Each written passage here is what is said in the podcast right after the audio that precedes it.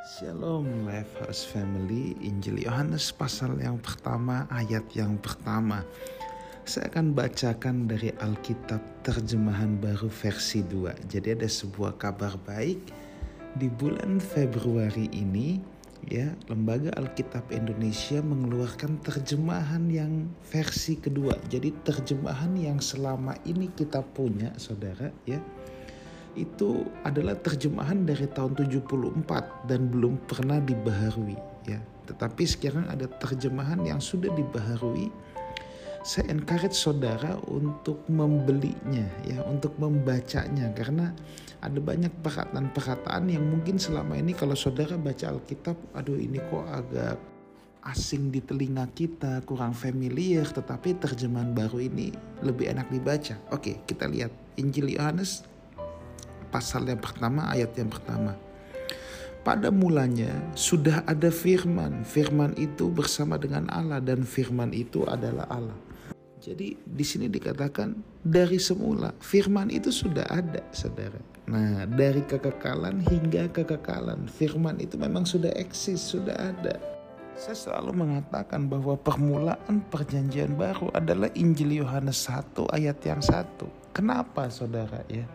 Bukan dari silsilah manusia, tetapi ini bicara tentang Yesus sendiri yang adalah firman yang menjadi manusia. Ini bicara tentang pre-eksistensi Yesus.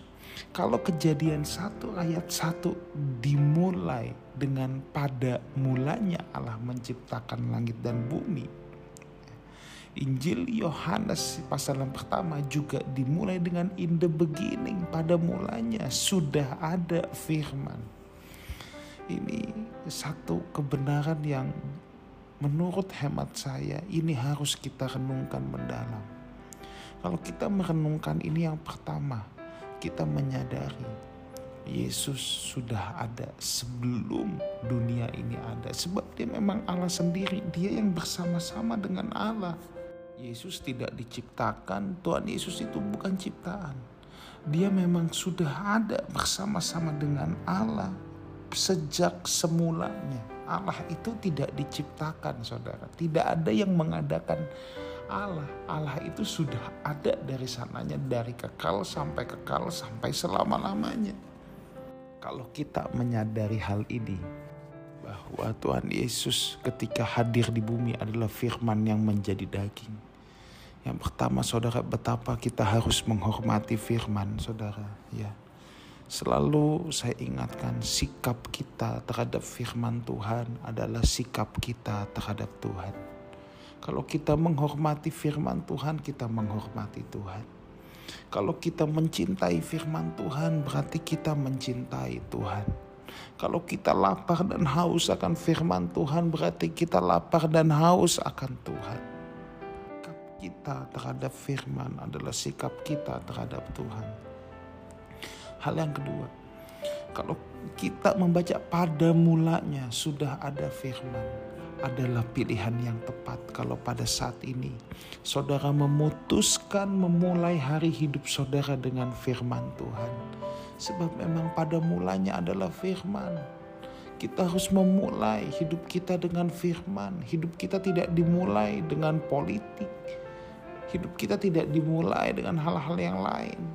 Hidup kita tidak dimulai dengan kabar berita perang atau lain sebagainya tapi hidup kita ada karena ada firman saudara ya itu sebabnya saya mau mengencourage Bapak Ibu Saudara sekalian pada mulanya adalah firman yuk kita tempatkan firman sebagai tempat terhormat dalam hidup kita kita tempatkan firman sebagai tempat yang mulia, yang agung dan kita cintai, kita lakukan. Cara kita menghormati firman adalah dengan melakukannya dengan segenap hati.